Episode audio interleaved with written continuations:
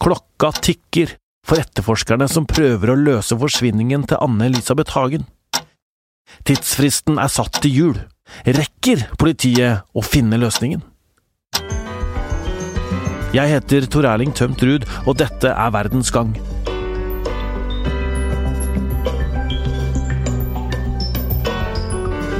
Politiet har sagt at de har som mål å løse denne saken før jul.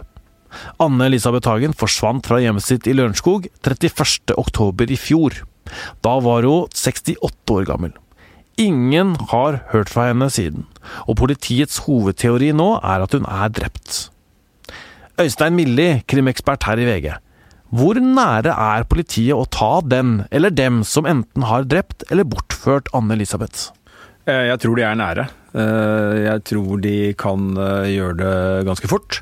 Tommy Brøske, etterforskningsleder, har jo vært optimist lenge.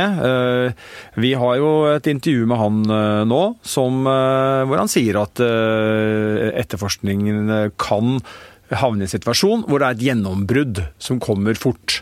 Hva, hva er det da som gjør at det kan skje så fort nå?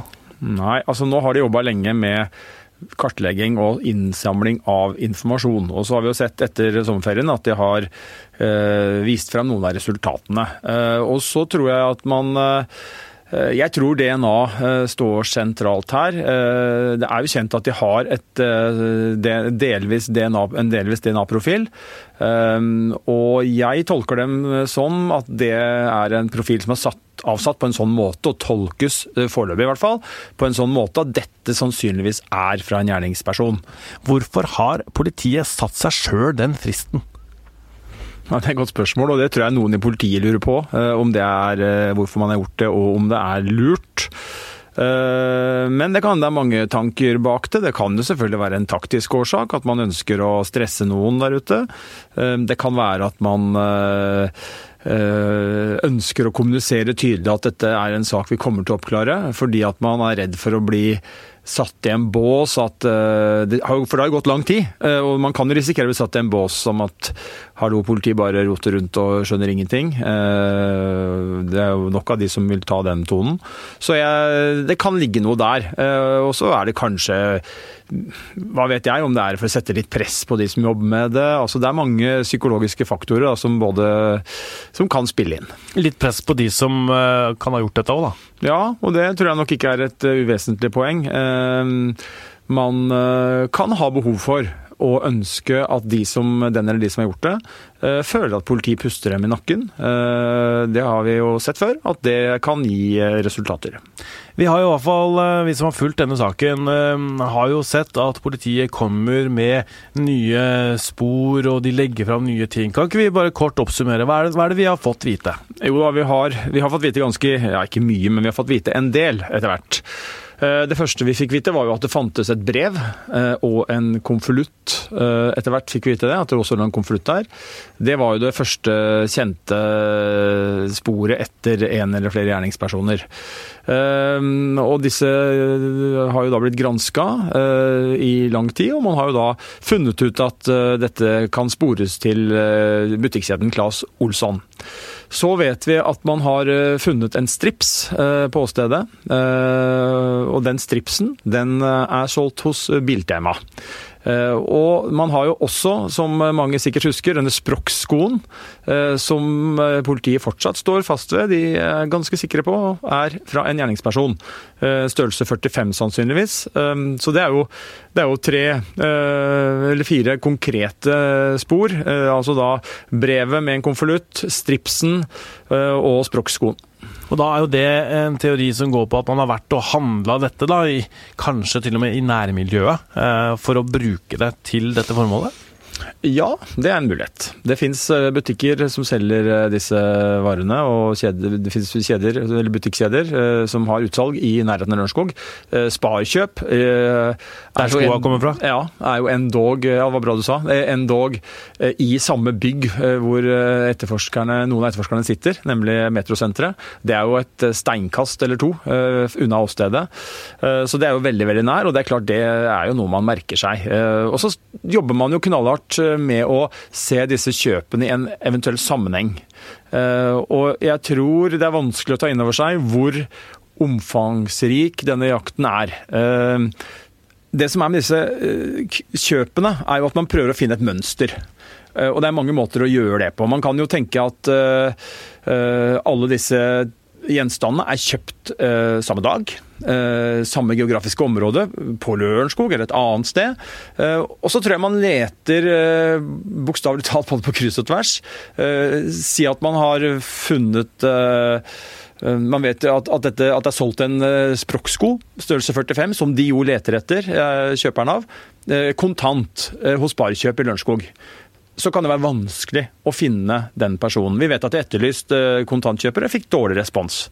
Men hvis det da skulle være sånn at sju minutter etterpå, så er det en tung kriminell som har kjøpt cola og pølse på en bensinstasjon med kort Eh, så vil jo sitte en etterforsker og si aha, se her, hvem som er eh, i Lørenskog sju minutter etter at dette kontantkjøpet ble gjort. Bruke kortet sitt, kjøpe pølserumpe. Eh, og da kan man begynne å nøste. Eh, hvorfor var vedkommende der? Eh, har vi overvåkingsbilder fra, fra metrosenteret, hvor denne Sparkjøpbutikken ligger, hvor vedkommende er? Kan vi se, kan vi se på det? Er, er, det brukt andre betalingsmidler? Hva med mobiltelefon? Hva med bil? Er det passeringer? Kan vi i hele tatt komme videre?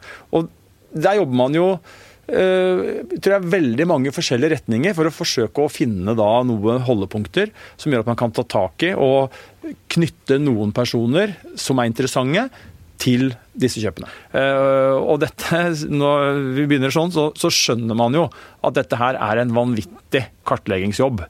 Man skal kartlegge Hvorfor kan man ikke bare plotte det inn i datamaskinen, så kommer det opp. Nei, jeg, jeg, jeg tuller litt med det. For det, det, er sånn vi tror det egentlig er. Eh, via film og TV-serier osv. Ja. Eh, du sier at det er en enorm kartleggingsjobb. Altså, mm. Du må finne da eh, alle som har vært inne i den butikken, alle transaksjoner som har blitt gjort, og så sette dette her sammen. Ja, ja, ikke sant? Og hvilke telefoner har vært i nærheten og uh, i bruk? Hvilke biler kan man se på disse overvåkningskameraene som ligger forskjellige steder? Man har tatt tak i en hel haug med biler, ser om de bilene uh, kan knyttes til personer, til hendelser. Uh, om de kan knyttes i forbindelse med noen kjøp. Eh, altså, Man jobber jo ut alle sånne typer muligheter, hvor man eh, forsøker å på en måte sortere ut. da. Man har en enorm bunke med biler, Eh, eh, transaksjoner, mobiltelefontrafikk, og så begynner man på en måte å nøste, systematisere, se om det fins den velkjente røde tråden, som da gjør at i den enden av den tråden så er det en gjerningsperson. Og så kommer vi til det som kanskje blir nøkkelen. Eh, DNA. hva er det vi veit om den DNA de har klart å finne? Nei, Vi vet at de har funnet en DNA-profil, eller i hvert fall minst én uh, DNA-materiale, som uh, det er vanskelig å tolke på annet vis enn at er veldig interessant for politiet. og Da betyr jo det at de har en hypotese om at det er avsatt av en gjerningsperson. Det er jo sånn at Vi avgir jo DNA, og når vi går ut av studio her, så ligger det jo sikkert igjen DNA både til meg og deg. Mm. Uh, forhåpentligvis veldig uinteressant, for vi har ikke gjort noe gærent. Mm. Men, og det er det, Sånn er det jo et bolighus. ikke sant? Du, finner DNA fra, du kan finne DNA fra mange måneder tilbake folk som har vært på besøk, eh, de som bor der. Eh, og, da, og det må man jo da sortere ut. Men, Men klart, også for andre som du har tatt med deg på klær osv.? Det er såkalt ja. overførings-DNA-smitte. ikke sant? Mm. At jeg nå legger et hårstrå på skuldra di, du går ut, og så er mitt DNA et annet sted plutselig. Så dette må man jo ta høyde for. Men det er klart, når man da har et åsted eh, hvor man vet at det har vært en, en handling, så jo nærmere man kommer senteret for den handlingen, jo mer interessant blir de DNA-sporene man finner. Mm. Og så har du nummer to. Det er jo kan det DNA-sporet du finner, knyttes til en, handel, en mulig handling. Eh, og i denne situasjonen så vet vi at det da ligger igjen en strips. Vi vet at det ligger igjen en konvolutt. Vi vet at det ligger igjen et brev. Og det er klart, Hvis det er DNA-profiler på disse tre gjenstandene som man tror er brakt dit av en eller flere gjerningspersoner, hvis det er ukjente DNA-profiler der som ikke tilhører Anne-Elisabeth Hagen, eller tilhører andre som har naturlig tilgang til huset, som gjør at man kan eh, mistenke at det har vært en DNA-smitte, men det er noen som ikke man hører hjemme der, så er jo det høyinteressant. Da kan man jo sitte med eh, gjerningsmannens DNA-profil. og det er jo sånn i hvert fall jeg tolker uh, at man uh, Ikke at man har den situasjonen, men at man uh, ser for seg at man kan ha det, og at man jobber med å avklare og kontrollere eh, det så langt man kan, hvor god og interessant den DNA-profilen de har funnet er. Og så er jo spørsmålet det hjelper jo i utgangspunktet ingenting. Nei. Hvis du finner DNA-profilen til eh, en eller annen som eh, du ikke har eh, i et register, eller du har tilgang til gjennom at vedkommende har avgitt en frivillig prøve, eller kommer til å avgi en frivillig prøve, For DNA-et vårt er jo ikke fritt tilgjengelig i alle registre. Absolutt ikke. Og da må man jo finne tak i hvem eier det. Og Det er ofte en vanskelig jobb. Jeg var i Førde på en drapssak i løpet lupen av 2004. En sykepleierstudent som ble funnet eh, voldtatt og drept i, i, i et, et, busk eh, der oppe. Forferdelig sak. Eh, Politiet jobba på spreng, eh, og så fant de en DNA-profil. Da er jo spørsmålet hvem tilhører den her. Eh, Da hadde man en hypotese om at det var en eh, person som var eh, i lokalmiljøet. Mm. Og starta da en frivillig DNA-innhenting eh, av menn i en gitt alder i det området. Eh, Og det kan man jo nekte. Og det vil jo si at, eh, det, men det fine med det for politiet er hvis du nekter, så vil du jo stille spørsmålet hvorfor gjør du det. Og så vil du kunne begynne å etterforske hvor var du, hva gjorde du, og så kan man kanskje få da et, eh, en skjellig grunn til mistanke å ta DNA-en din med tvang. Men der stilte masse masse folk opp med frivillige DNA-prøver, og de fant gjerningsmannen. Eh, En mann ble dømt. Han møtte også opp, avga DNA. Eh, Folk visste jo ikke da sånn, helt sikkert at man hadde DNA-profilen, men det hadde man jo. Og da løste man saken. Og her er jo det utfordringen, kanskje. da. Eh, For selv om det da er en DNA-profil der, så skal man finne hvem som har eh, eierskapet til den. Og før man gjør det, så er for så vidt den DNA-profilen av begrensa interesse. Den er jo selvfølgelig interessant, men den gir jo ikke noe løsning på saken før man har eh, Nei, det, det, det finnes jo et DNA-register, eh, og hvem er det som er registrert der? Nei, Det er jo da ganske strengt, og det jo, skal jo slettes etter at du er død, skal slettes etter at du er eh, sona bl.a. Men det finnes jo et DNA-register, ja, over noen som har begått den mest alvorlige kriminaliteten. Men, men der er det strenge regler. Så og, hvis man da har en eh, DNA-profil, så har man selvfølgelig søkt etter treff. Nå har man en de, kanskje en delvis DNA-profil, eh, men da er, veldig, da er det jo litt komplisert. For da er det jo spørsmål hvilken type delvis profil har man. Eh, som jeg forstår da, så kan man jo komme i en situasjon at man likevel kan være ganske sikker på hvem som er eieren, eh, ut fra undersøkelser. Man kan også komme til en gruppe mennesker. at det er familiært.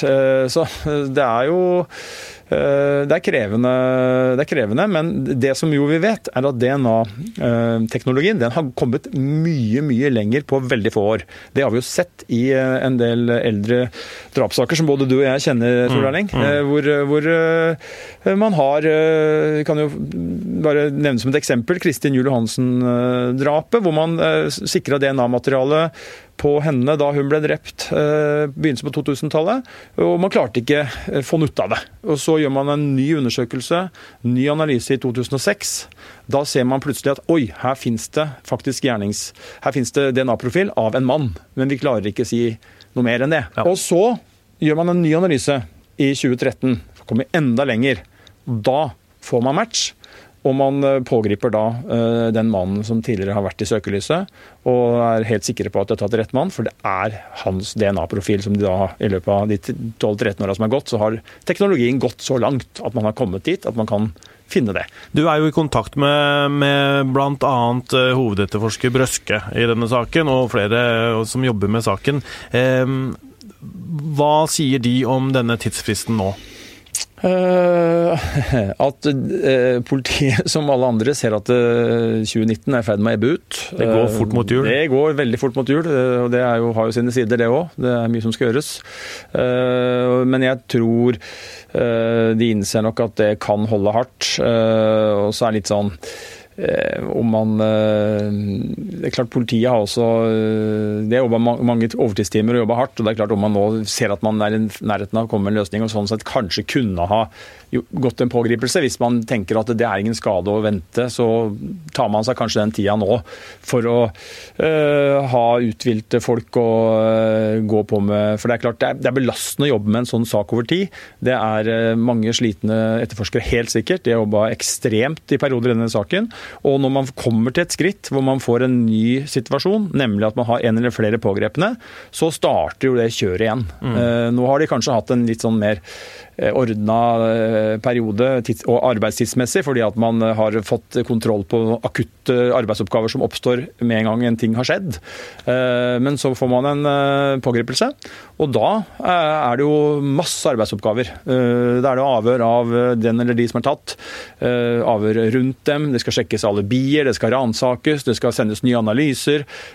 Finner man spor der som gjør at man kan Eh, komme videre. Så, så ja. Jeg, skal jeg mene noe, så tror jeg nok at, vi ikke, at det ikke skjer noe mer i, i 2019 sånn som vi leser eh, Brøske uh, med hans siste oppdateringer. Hvis du leser han, har han noen mistenkt? I og med at han sier at han kan løse saken, så vil det jo være Dette blir jo spekulasjoner, men, men Eh, det vil jo i mitt hode være veldig rart om du ikke har en formening om hvem du på et tidspunkt skal ha tak i.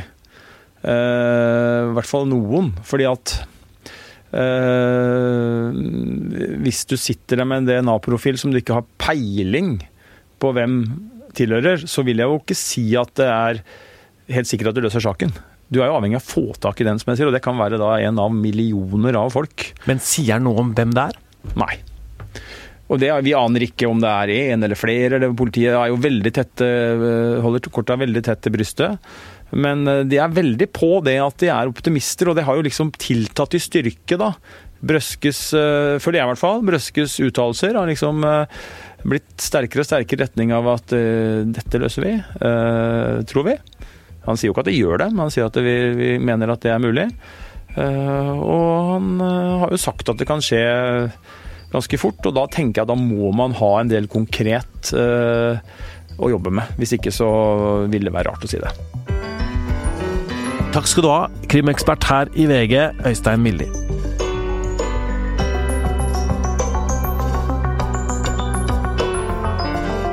Verdens Gang lages av Kristine Hellesland, Emilie Hall Torp, Roy Furuhaug og meg, Tor Erling Tømterud. Magne Antonsen er teknisk produsent, og du kan følge oss på Facebook-gruppa Verdens Gang, en daglig nyhetspodkast. Ses der.